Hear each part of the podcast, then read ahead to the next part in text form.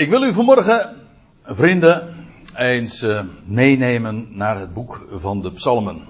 Of correcter gezegd, naar de boeken van de Psalmen.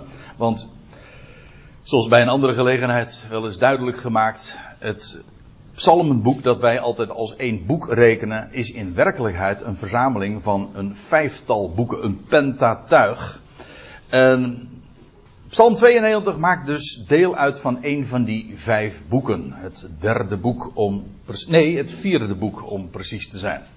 Het vierde boek, als u een bijbeltje bij u hebt, dan kunt u dat ook zien. Dan staat er boven Psalm 90, het vierde boek. Psalm 90 tot en met 106.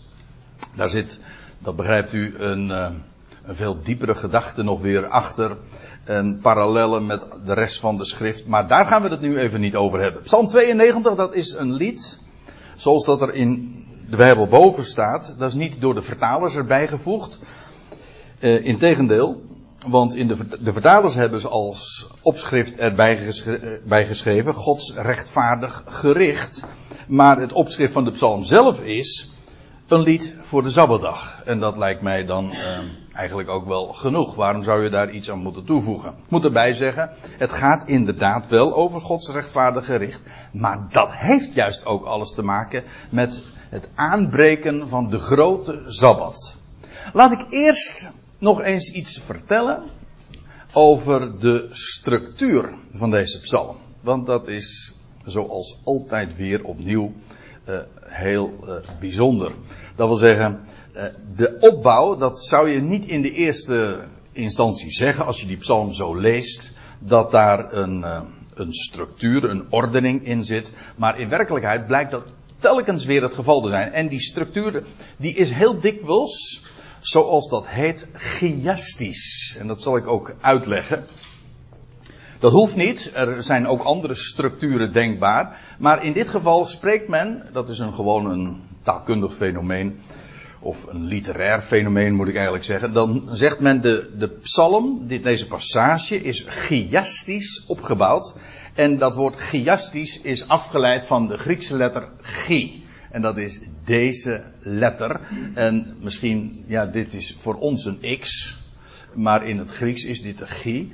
En we kennen hem ook bijvoorbeeld, dit is het Griekse eh, schrijfwijze voor Christus. Dat wil zeggen het woord Christus begint met deze letter. En u kent wellicht ook dit symbool. En dit zijn de eerste twee letters. Dit is de, de G en dit is de, ja u zegt dan de P, maar in het Grieks is dit de R. Ja, dat maakt het soms wat verwarrend. Uh, hoeft lang niet altijd, want als u nou bijvoorbeeld naar deze letter kijkt, dat is gewoon een I en dit is een S, dat is niet zo moeilijk, en dit is een T en dit is een O en dit is weer die S. Dus het is niet altijd zo, zo complex en verwarrend. Maar in ieder geval, dit zijn dus de eerste twee letters van het woord Christus. Dit is een, een embleem dat je nog wel eens een keer in kerken en dergelijke ook ziet. Maar even terug naar dat woord uh, chiastisch. Chiastisch wil zeggen dat het een passage betreft, zoals bijvoorbeeld in dit geval Psalm 92, dat uiteenvalt in twee helften die elkaar spiegelbeeld vormen. En dat is bij, dit is die lettergie, onze x dus zeg maar, dat zijn twee helften, waarbij de bovenste helft het spiegelbeeld is van de onderste helft. Dus het loopt niet parallel, dat zijn dus twee, een, een, zeg maar twee spiegelende V's. Letter V's, ja. En niet, loopt niet parallel, het zijn niet twee V's boven op elkaar. Nee, het, het, is elkaars spiegelbeeld. Dus als je het nog literair uh, formuleert, dan krijg je dus deze structuur. Je krijgt bijvoorbeeld A, B, C, D. En dan spiegelt het vervolgens en dan krijg je D, C, B, A. En dat betekent uh, dat zo'n chiastische structuur, die eindigt daar waar het begon. Daar is een uit, er, er zijn verschillende uitdrukkingen voor die dat, dat fenomeen ook beschrijven. En bekend en oud is de slang die in zijn staart bijt. Dat wil zeggen, daar waar het ooit begon, daar eindigt het ook weer. En dat is natuurlijk een geweldige bijbelse waarheid. En wat je er ook van kunt zeggen, dat is dat deel 1 werkt naar het middelpunt.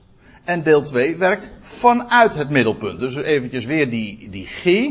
Het gaat naar het middelpunt toe. En dan vervolgens, als het eenmaal in het centrum aangekomen is, dan werkt het weer vanuit het middelpunt. Uh, en, en verder. Wat trouwens, en dat is heel makkelijk uh, voor ons ook te onthouden, het is chiastisch. En dat spreekt dus van de letter waar het woord Christus vandaan komt. En dat betekent dat het dus op een of andere wijze, voor ons is dat vanzelfsprekend, verwijst naar Christus. Kan niet anders. En het wijst naar het middelpunt. En dat wil ik ook in deze psalm laten zien. Ze is chiastisch van structuur. Het begint waar het ook weer eindigt. En alles wijst naar het centrum. En dat is inderdaad Christus. De G. Ja, dus dat woord chiastisch vind ik, uh, dat zal, uh, daar zullen de literaire experts uh, die gedachten zullen zij niet hebben gehad, maar voor ons is het een heel gemakkelijk ezelsbruggetje. Nou ga ik u even die psalm zelf ook laten zien, even de samenvatting. Want dan zie je dus hier psalm 92 en dan zie je precies dit fenomeen. Hier, zo begint het. En hier eindigt het weer. En u ziet het. Waarbij, dat is ook nog weer eigenaardig. Waarbij A overeenkomt met eh, het einde. Waar het begin overeenkomt met het einde. Dat is één ding. Maar ook waarbij dan A ook weer een dat is weer een parallelle structuur. Dat wil zeggen, het begint met de lofprijzing van Yahweh. Dan al wat hij voor mij is. En dan zijn grootheid. En hier lofprijzing van Yahweh. Al wat hij is voor mij. En dan niet zijn grootheid, maar zijn rechtvaardigheid. Maar dit loopt weer parallel. Ziet u? Voor de rest is de psalm als geheel chiastisch. Maar die, het eerste deel en het laatste deel, dat zijn parallelle structuren. Dat is dus een opbouw, een hele gestructureerde opbouw. Dan krijg je vervolgens het tweede gedeelte, dat overeenkomt met het één na laatste gedeelte. Dus hier eh, gaat het over de dwaas, enkelvoud, de goddelozen, meervoud. Hier de rechtvaardige, enkelvoud. En vervolgens de rechtvaardigen, meervoud. Dan uw vijanden, de bedrijvers van de wetteloosheid. Maar dat komt dan overeen met mijn vijanden en de kwaaddoeners. Nou, dat is heel. En dan krijg je uiteindelijk het midden van de psalm. Dat is in dit geval vers 10. Dit zijn de versnummers, by, by the way. Uh, mijn hoorn verhoogd en met verse olie overgoten. En het gaat hier inderdaad over de Christus. Trouwens, als ik het zo zeg, is het helemaal duidelijk. Want Christus betekent eigenlijk gezalfde. En gezalfd hoezo? Wel met olie overgoten. Dus de Christus, de Mashiach, of als je het gewoon in het Nederlands zou zeggen, de gezalfde staat in het middelpunt. Nou, dat is de structuur van deze psalm. Zo is ze opgebouwd. En het wijst inderdaad naar hem die het middelpunt vormt van heel de schrift trouwens, maar ook in deze psalm zie je dat literair dus uitgebeeld. Waarbij ook, oh hier weer de gedachte is, en dat zie je zo dikwijls, het begint, maar het eindigt ook weer bij God in zijn geweldige grootheid en de lofprijzing aan Hem. Want uit Hem is het en uiteindelijk is ook alles weer tot Hem. Dat zie je in deze psalm zo gewoon als je naar het geheel kijkt. Goed, nou laten we dan eens naar de psalm kijken meer specifiek. En dan doen we dat uh, op de gebruikelijke wijze, op de meest logische. Je begint bij het begin en je ziet vanzelf wel hoe ver je komt. Trouwens, het is wel de bedoeling dat ik uh, bij vers, wat is het? uh, bij vers 15 uitkom, ja. Het is een psalm, maar dat was u al duidelijk natuurlijk. wat trouwens ook betekent, ik zal straks nog even laten zien, dat het te maken heeft met iets wat gemusiceerd wordt. Ehm, met begeleiding van een snaarinstrument, getokkeld. Het is een psalm, het is een lied voor de Zabbadag. En voor degenen die een Calvinistische achtergrond hebben, zoals ik zelf, uh, is het uh, wellicht uh, bekend dat deze psalm heel dikwijls gelezen werd, of wordt. In mijn geval zeg ik dan werd, want het ligt inmiddels wat achter mij. ik, van huis uit weet ik het ook nog dat mijn vader nog eens een keer de, de gewoonte had om Psalm 92 zondagsmorgens te lezen. U zegt dat is niet logisch. Nee, want de Zabbadag is de zevende dag. Dat was dus gisteren. En de zondag is de eerste dag. Maar ja, u weet, uh, vanuit het Calvinistisch denken, traditioneel christelijk, is de zondag in de plaats van de Sabbat gekomen. En dus is dat in een Calvinistisch brein heel erg logisch. Zoals de, de, de doop is in de plaats van de besnijdenis gekomen. En, uh, en dat gaat helemaal terug tot het concept dat de kerk in de plaats van Israël is gekomen.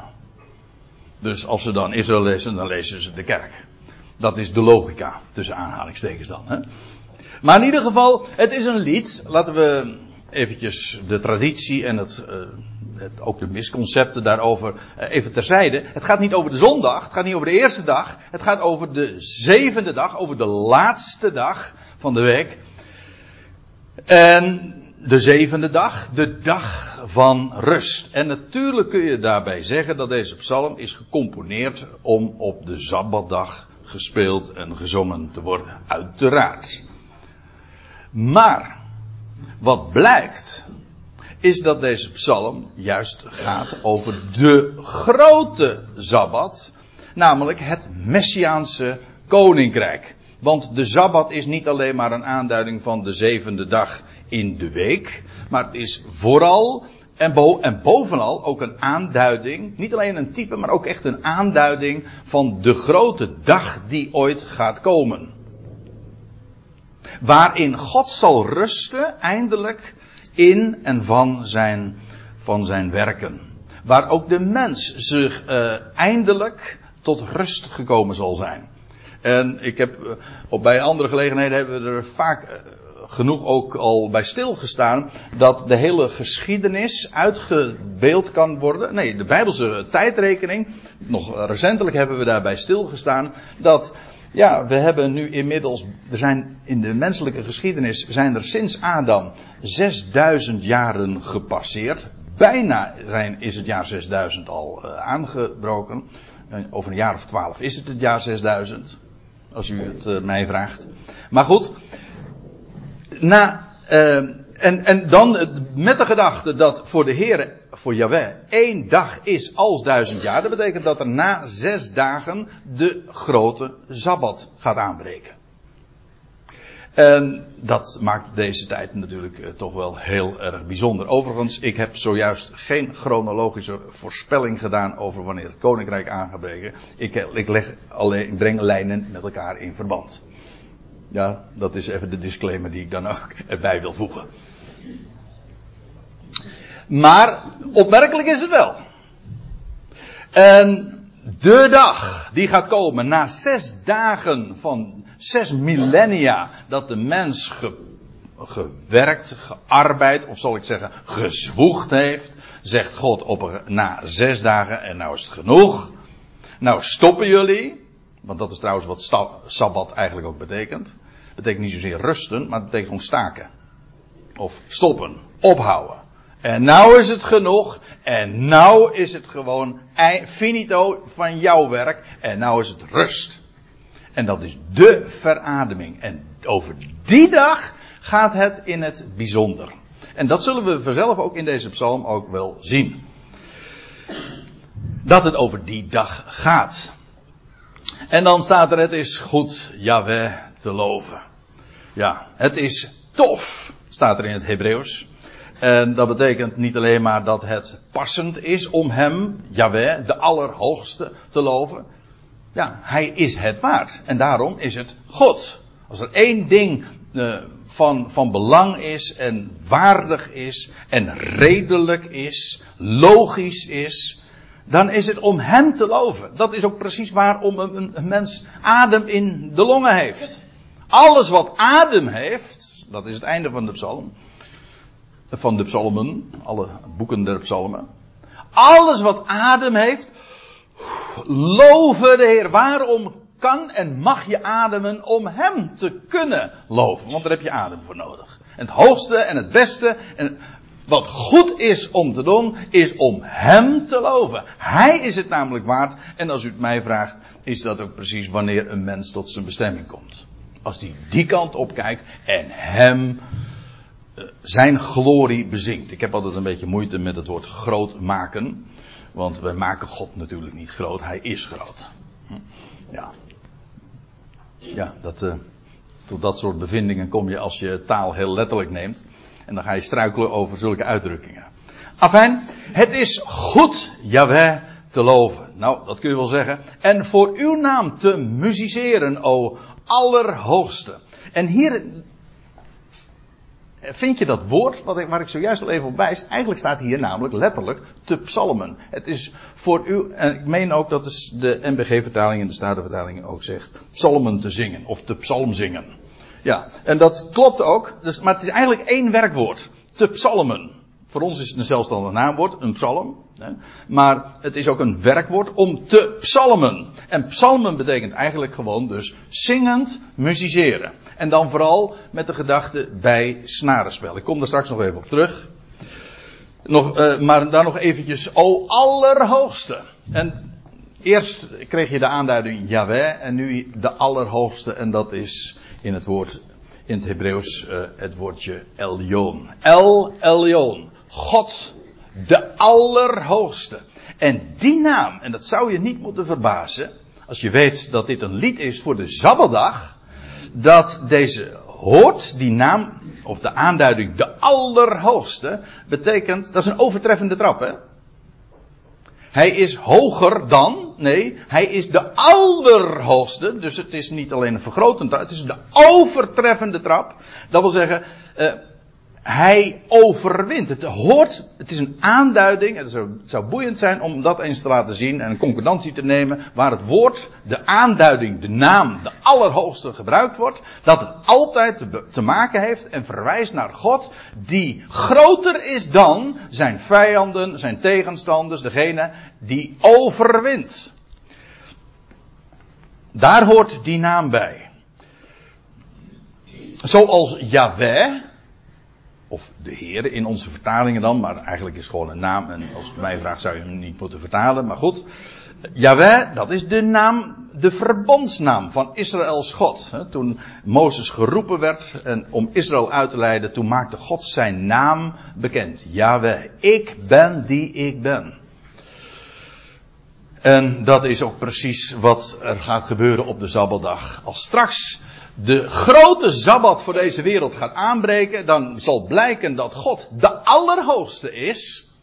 Groter dan wie dan ook. En, ook, en dat blijkt vooral, ja, zo'n overtreffende trap krijgt juist kracht uh, door tegenstand. Hè. Je hebt contrast nodig om te laten zien hoe sterk je bent. Als ik wil laten be bewijzen dat ik sterk ben, dan, moet ik, eh, dan heb ik een, een grote tegenstander nodig, een sterke tegenstander nodig, hè, om hem te verslaan. Dus contrast is nodig om dat te doen blijken. Wel, hij is de allerhoogste. Hij overtreft alles. Maar hij is dan ook, dat zal blijken op die grote Sabbat, hij is ook degene die trouw houdt en die zijn volk Israël zal geleiden en ook uitleiden en op zijn bestemming gaat brengen. In de grote rust van hem. Dus meteen die twee namen hebben we dan te pakken. En die passen dus perfect bij de Sabbatdag. Om in de ochtend uw goedgunstigheid te vertellen. Dat wil zeggen, het is goed om Jaweh te loven. En om in de ochtend uw goedgunstigheid of zijn goede tierenheid uh, te vertellen. En uw trouw in de nachten. Dag en nacht dus. Maar er zit nog iets achter en dat is dat ja, in de, als de zon opgaat, als het licht wordt, ja, dan vertel je van Gods goedsgunstigheid. Maar als het nou donker is, als duister is, dan zing je van Gods trouw. Dan zie je niks. Dan kan je misschien nog niet zo zingen van Gods goedsgunstigheid wanneer, wanneer de duisternis verdrijft en wanneer je alles licht ziet worden. Maar wel als, als de, de aanbreekt. Maar juist als het nacht is, Waar kun je dan van zingen? Over de God die je misschien niet ziet. Waarvan alles wat in je, eh, na, naar je zintuigen uh, gerekend uh, blijkt er niets. Maar dan steun je en dan kun je volledig vertrouwen op het feit dat God gesproken heeft. En hij beloofd heeft. En daar kun je dan van zingen in de nachten. Mooi hè? Op het tiensnarig instrument en op de citer, op gezang met de harp. En hier zie je precies ook uh, waarom dit met recht ook een psalm is. Want het heeft te maken met musiceren, maar dan vooral ook met, met snaarinstrumenten. Ik heb me trouwens wel eens begrepen, dat is, uh, dat is evangelisch jargon. Die zeiden van, ja, die, dit, dit, is, dit is het tiensnarig instrument. Met de handen klappen, weet je wel. Maar uh, dat is leuk gevonden, maar dat is niet de gedachte. Uh, het tiensnarig instrument is gewoon een instrument met, wat dacht je wat? Tien snaren. Ja.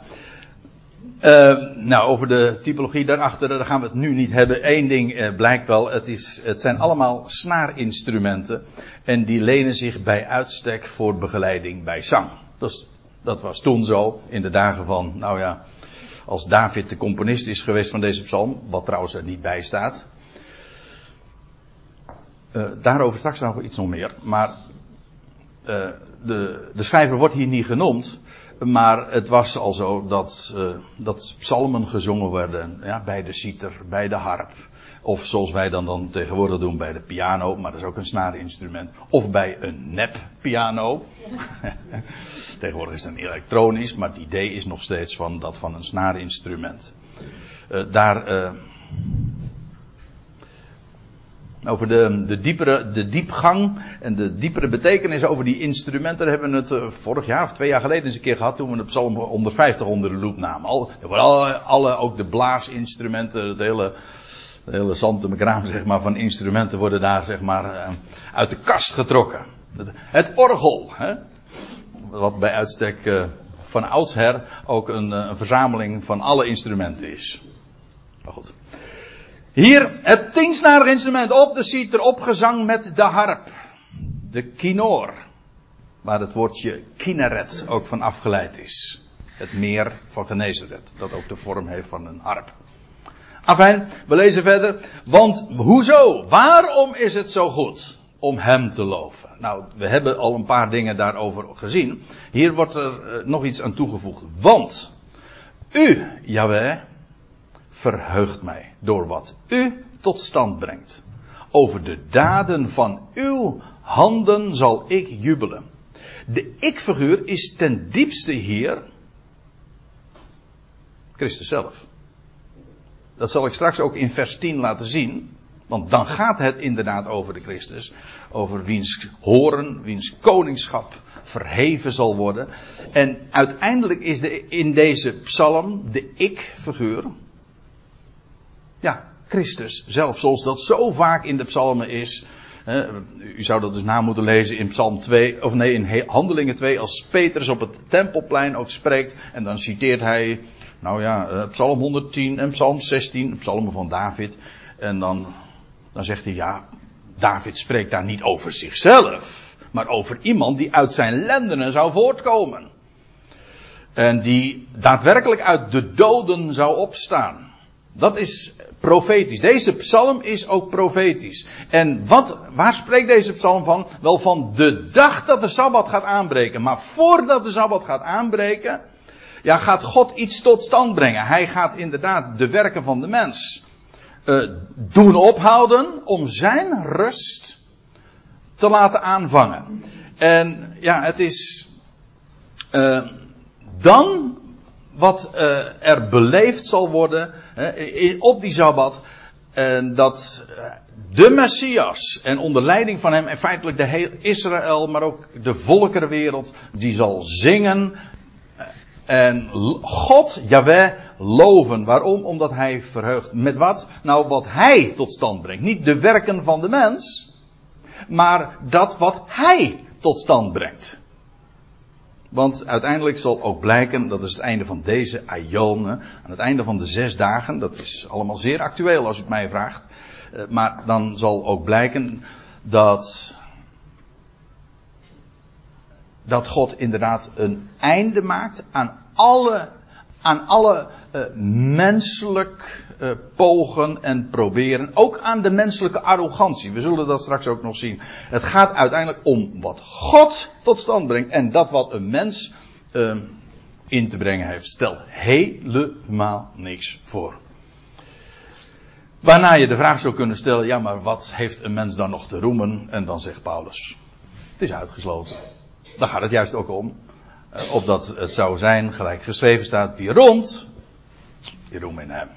En dat is niet alleen persoonlijk zo, het geldt voor de hele wereld gebeuren. Dat wat de mens in de wereld meent tot stand te moeten brengen. Bijvoorbeeld het Messiaanse Rijk. Oké, ze drukken het misschien wat anders uit. Hè, om deze wereld één te maken en om, om de dromen van de mensheid te realiseren. Om deze wereld een better place te maken. En al dat soort dingen. En uiteindelijk, al die dromen eindigen in een nachtmerrie.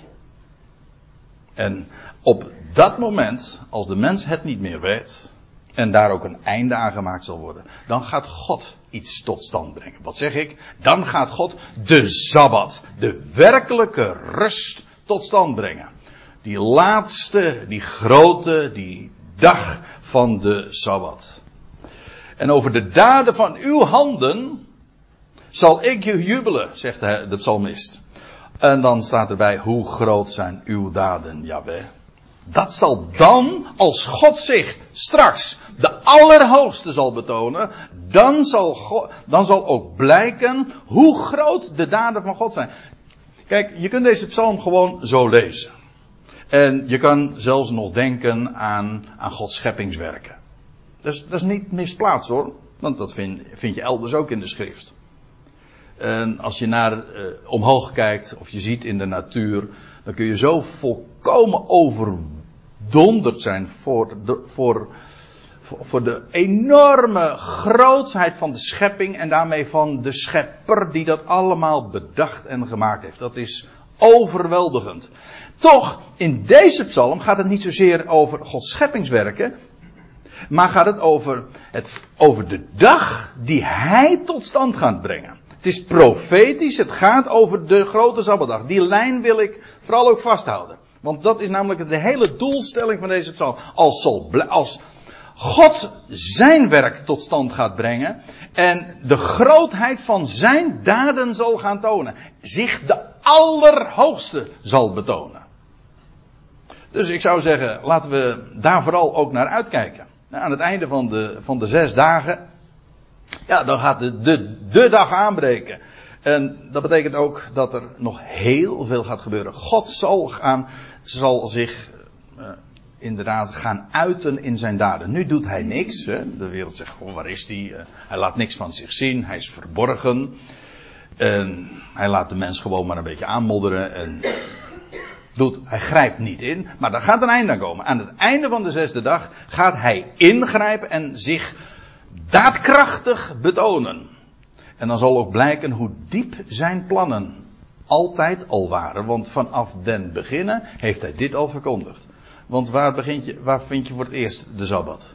Nou, dan moet je wezen in Genesis gewoon het eerste, het eerste Bijbelboek. Aan het begin. Toen al had God vastgesteld, de zevende dag, dat is de dag van mijn rust. En dat blijkt ook uiteindelijk profetisch te zijn. Hoe uitermate diep zijn uw plannen.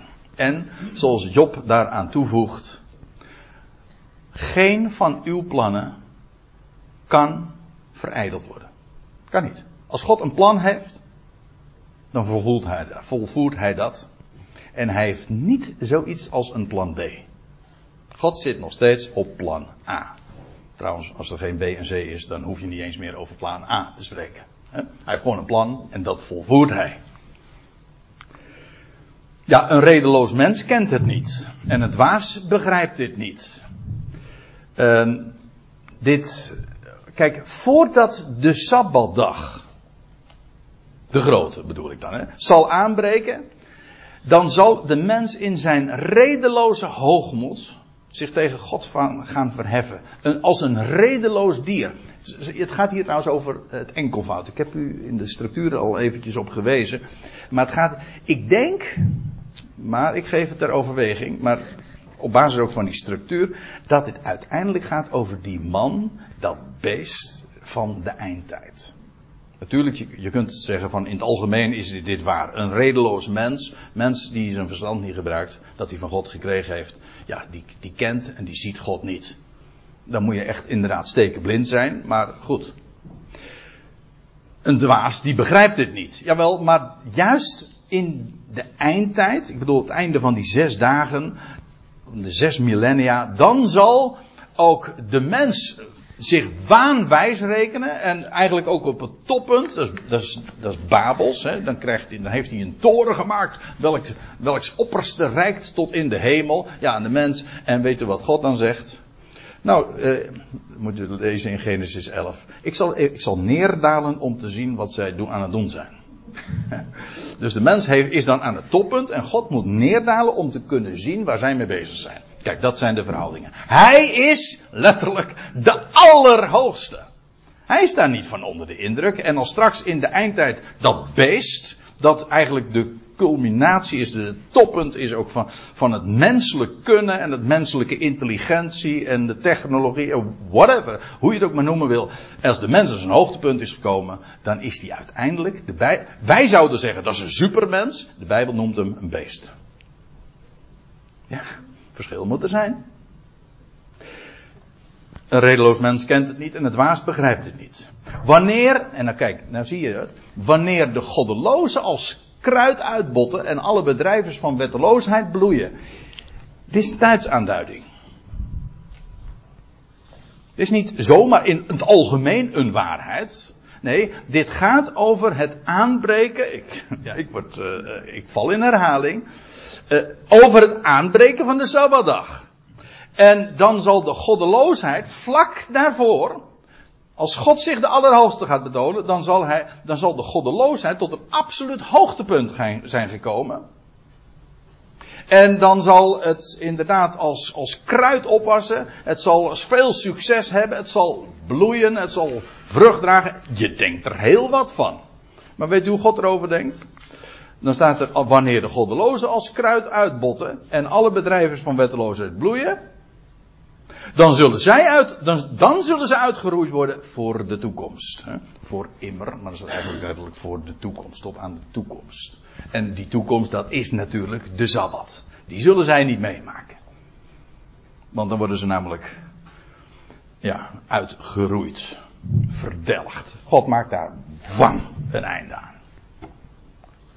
Degene die met hem niet rekenen, de, ook de slechten, moreel verdorven beesten, degene die met hem niet rekenen, dat is wetteloosheid, die zichzelf tot regel en, en norm hebben gesteld. Wel, allemaal, zij, wanneer zij bloeien, dan zegt God, het wordt tijd om te bloeden, als ik het zo mag zeggen. Hm? Dan zullen ze uitgeroeid worden voor de toekomst. Dat wil zeggen, die dag gaan zij niet meemaken. En u zegt van, ja, maar dat is toch niet het einde? Jawel, maar daar hebben we het nu even niet over. we hebben het nu even over die Sabbatdag. Niet over wat daarna nog gaat komen. Want ik zou zeggen, lieve mensen, don't worry. God laat nooit varen de werken van zijn handen. Ook niet van hen. Maar dat is hier niet het onderwerp. Het gaat hier over die, die, die grote dag van de Sabbat die zal aanbreken. Dan zullen zij uitgeroeid worden voor de toekomst. Aan het einde dus van de Aion, van, van dit wereldtijdperk aan het einde ook van dit zesde millennium. En wat zal dan blijken? Dan zullen zij uitgeroeid worden voor de toekomst. En u verheven bent voor de Aion. Kijk, zie je hoe hier de, de dingen weer naadloos aansluiten? Dit is precies wanneer de Sabbat gaat aanbreken. Als de Aion gaat aanbreken. Namelijk de Sabbatdag. Dit is de toekomende Aion. En dan zal God inderdaad blijken de Allerhoogste te zijn. U bent verheven. Boven wat? Nou, boven alles. Want hij is de Allerhoogste. Zie je hoe deze psalm echt heel specifiek profetisch is en gaat over die Sabbatdag. En dat zal dan blijken. Hij, God, is de Allerhoogste. En waar al die de profeten over hebben gesproken in deze hele bibliotheek en wat al duizenden jaren geleden werd voorzegd en wat bezongen werd, en bejubeld werd in de psalmen, maar ook ver daarvoor en door de profeten, et cetera. Die Aion gaat aanbreken. Die grote, dat hoogtepunt, die dag van rust. En dan zal hij blijken de Allerhoogste te zijn. En nu is het, als ik het even zo mag zeggen, nog nacht. We zien dat niet. Er blijkt helemaal niks van. Nee. Maar God is trouw. Hij houdt zich aan zijn woord. Dat gaat alles. Hij, hij, hij is nog gewoon helemaal uh, in het schema, als ik het zo mag zeggen. Het gaat allemaal zoals hij dat gepland heeft. U bent verheven voor de Aion, oh jawel. Want zie, let op, het, valt, het gaat dan gezien worden. Hè? Als de dag, dat, daarom heet het ook uh, straks de openbaring, de apocalyps. Alles komt tevoorschijn, alle de dingen worden zichtbaar. Want zie uw vijanden, Jaweh, degene die zich dus tegen hem opzetten. Want zie uw vijanden vergaan. En alle bedrijvers van wetteloosheid die worden verdreven. Dat is dus die dag. Dan wordt het gezien. Vandaag wordt er niks gezien. Vandaag is het de tijd van de verborgenheid. Om te zeggen, anders gezegd, de nacht. Maar dan zal hij uh, korte metten maken met al zijn vijanden. En nu komen we bij het, het middelste van de psalm. En u zal mijn hoorn verhogen, als van een wilde stier. Eerst even dat uh, mijn hoorn. Een hoorn in de Bijbel is in de Bijbel altijd een type van, van koningschap. Dat zie je in de profetische boeken nog eens een keer. Uh, u kent misschien die. Ik had het zojuist over het beest. Nou, dat vind je in Daniel, maar je vindt het ook in het boek De Openbaring, de Apocalyps. En dan, dan lees je over een beest met tien hoornen. En dan wordt dat zowel in Daniel als in het boek Openbaring ook uitgelegd. Die tien hoornen, dat zijn tien koningen. Een hoorn is een uitbeelding ook van koningschap. Dat, uh, je leest bijvoorbeeld van David, die gezalfd werd tot koning. En dat was met een hoorn. In die hoorn uh, zat olie en hij werd daarmee gezalfd. En die, die horen spreekt ook inderdaad van kracht. Dat, staat, dat blijkt hier ook. Hè. U zal mijn horen verhogen als van een wilde stier. Mijn horen is dus het koning, mijn koningschap. En hier blijkt ook inderdaad dat die ik-figuur van deze psalm. Dat is degene die straks in de Zabbadag, wiens koningschap verheven zal worden. Zijn, zijn koningschap wordt verhoogd. Je vindt dat in de psalmen nogal eens een keer terug. En misschien is dat wat vervreemdend taalgebruik voor ons. Als er staat van mijn hoorn verhogen. Ja, dat betekent die, dat koningschap zal zijn plaats gaan innemen. Die, die hoorn die wordt als, hier wordt die vergelijking gemaakt als van een wilde stier. Nou, als die hoorn, als die, die stier zeg maar zich gaat verheffen, nou berg je dan. Dan, dan gaat hij zijn, zijn hoorn, koningschap, gebruiken. En als het een wilde stier is, nou dan berg je dan maar. En dat is waar het hier ook over gaat. Als God zich de Allerhoogste gaat betonen, dan doet hij dat door hem, die hij tot koning gesteld heeft. En dan wordt hij, en dan zal hij zich inderdaad uh, zijn vijanden, ja, dat lazen we toch? Dan zullen de vijanden vergaan. Maar hoe doet hij dat? Wel doordat de Messias, zijn hoorn wordt verhoogd. Zijn koningschap wordt uh, gevestigd. En het zal ook uh, alle tegenstanders uh, teniet doen, doen vergaan.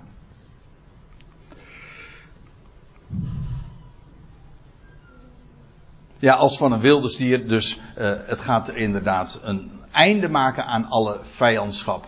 En dan staat er dan nog bij, ik, ik had u al e- veel eerder laten zien, dit was dat, dat, dat middelpunt van de psalm. Het centrum. Het gaat hier over Christus zelf. Hij, wiens koningschap, wiens horen verhoogd zal worden.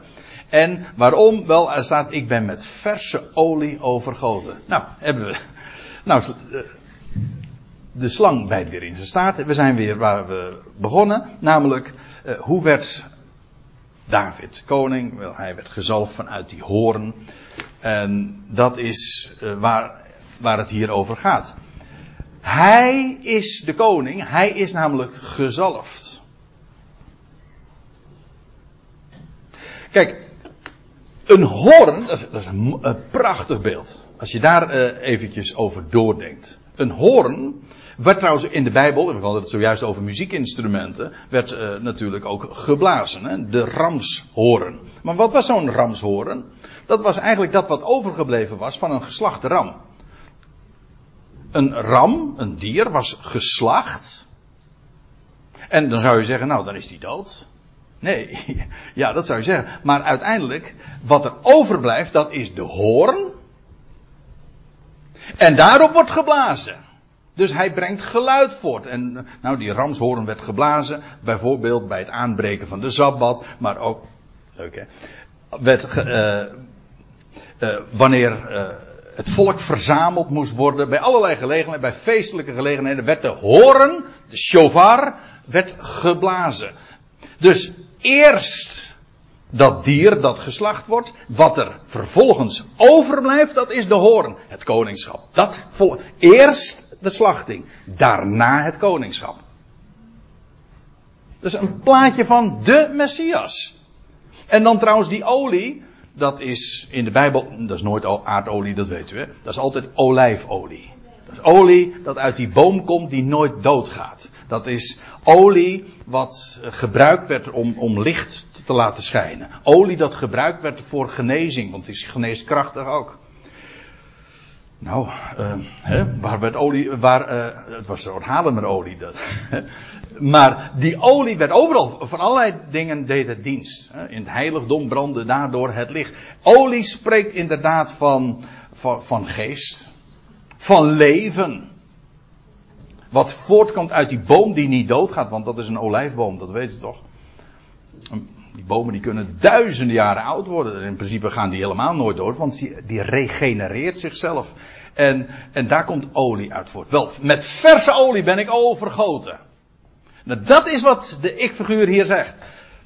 De ik-figuur blijkt dus een centrale rol te spelen in het aanbreken van de Sabbat. Als straks de grote Aion aanbreekt en God zich de Allerhoogste zal betonen, dan zal zijn hoorn, zijn koningschap, verhoogd worden. Waarom? Omdat hij met, dat is toekomst, en dan zal hij met vers, omdat hij met verse olie is overgoten. Dat is verleden. Dat wil zeggen, hij is gesteld tot de Messias. Hij is gezalfd. Ja? Ja.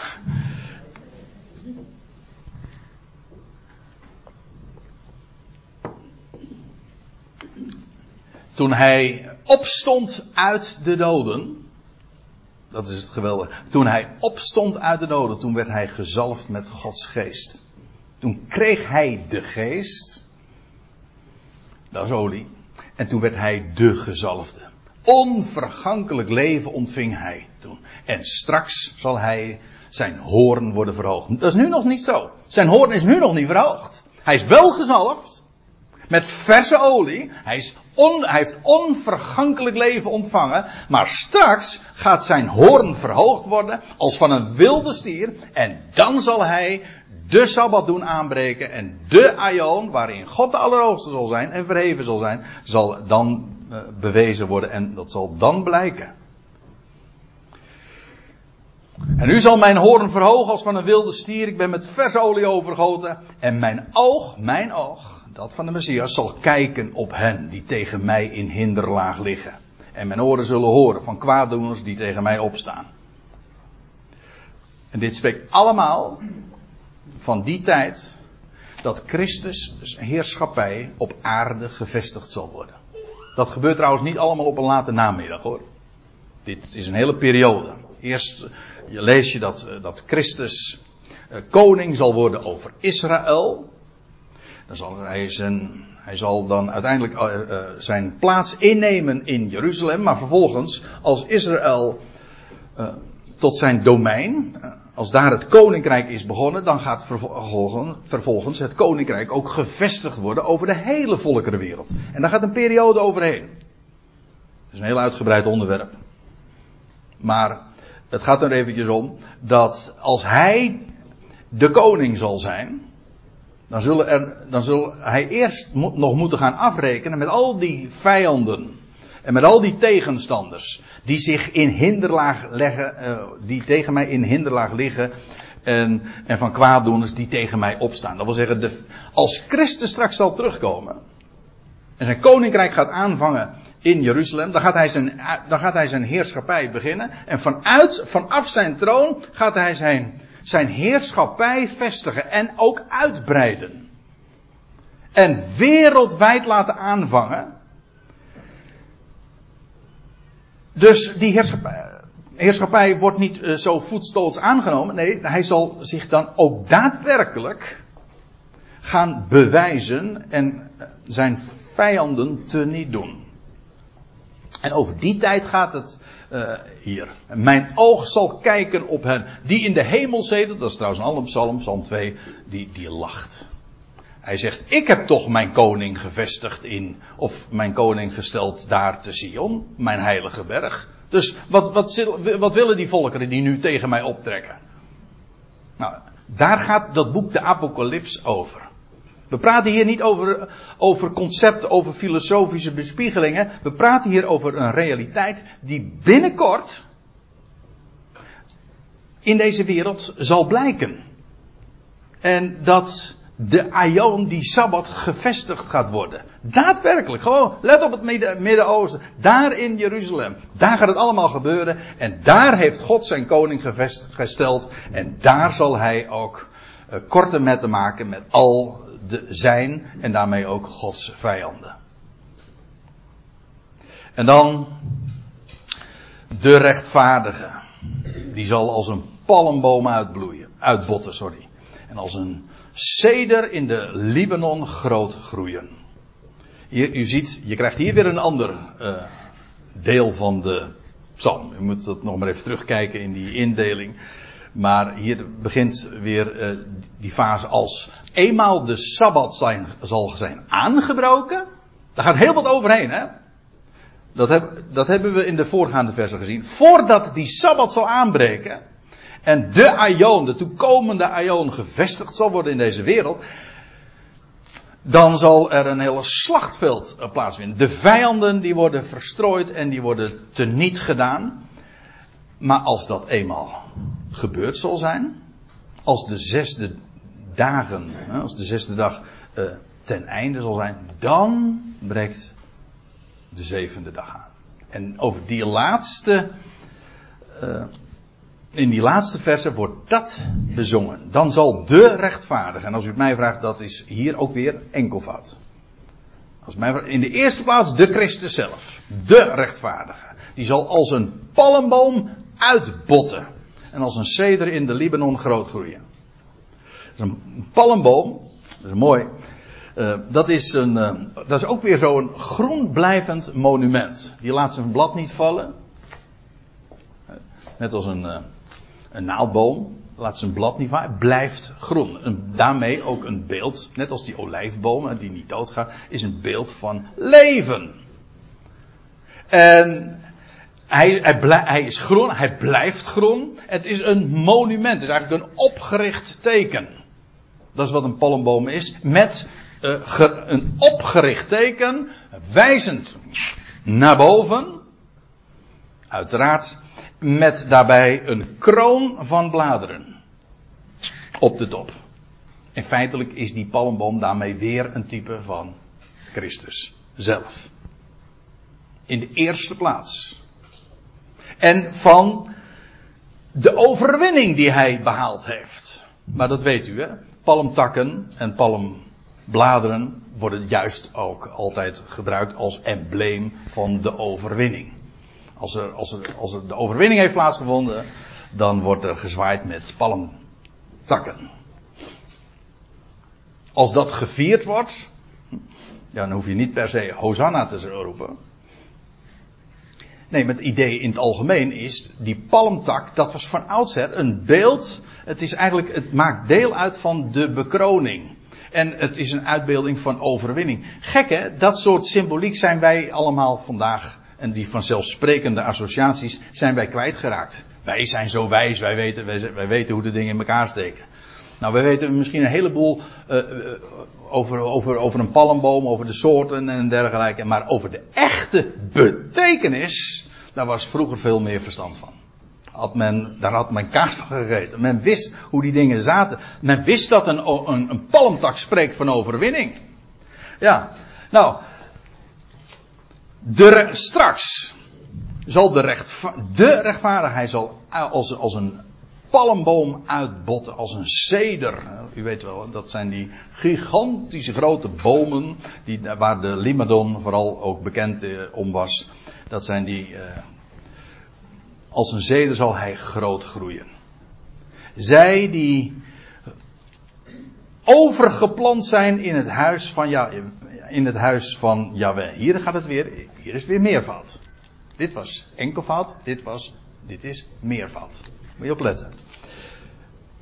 Jammer dat in de vertalingen, alle gangbare vertalingen hebben hier gewoon geplant, maar er staat letterlijk, en u kunt het in alle, in alle handboeken nalezen, letterlijk staat er, die overgeplant is.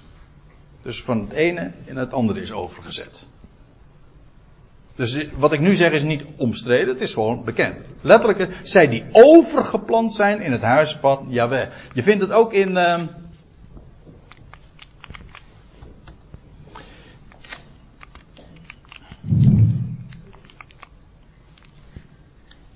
wat ik al aankonde, voelde komen.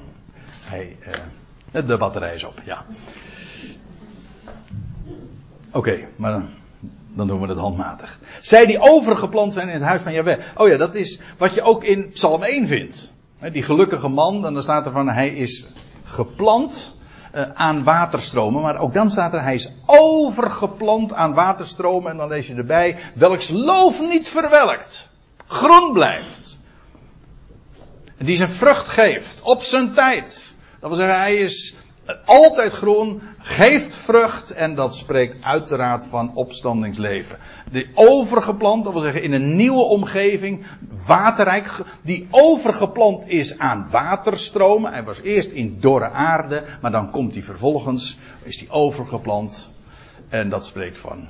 Eerst bevond hij zich in een omgeving van dood, van dorheid, waar hij zou, het zou afleggen. En vervolgens is die overgeplant en ontvangt nieuw leven.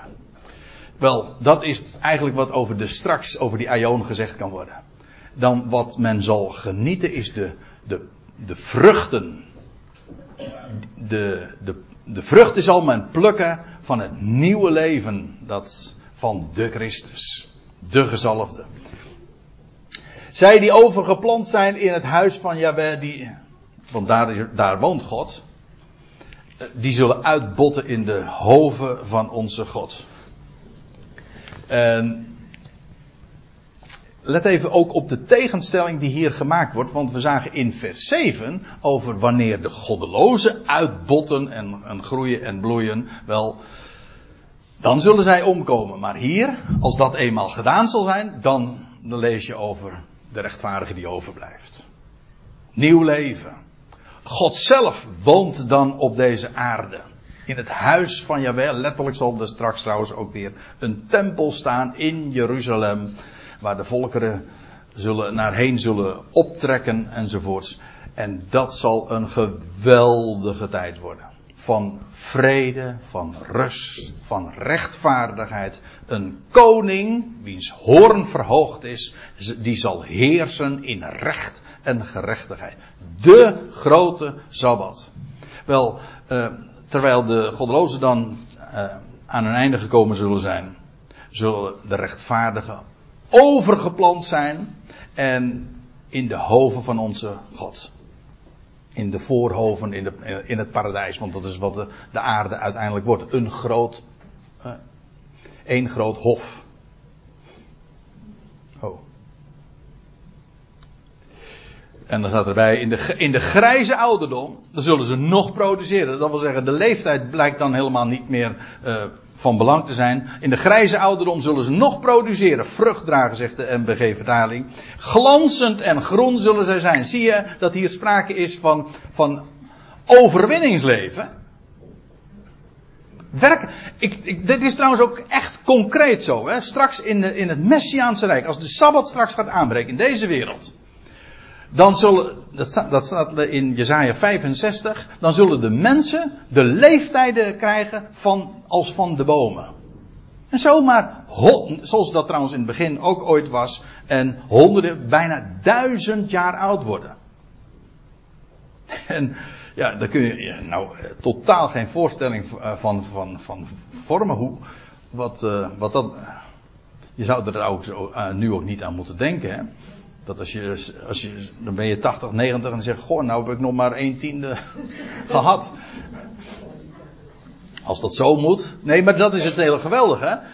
Dan zal men, een honderdjarige is dan nog, je leest dat ook in Jezaja 65, een honderdjarige is dan nog een jongeling.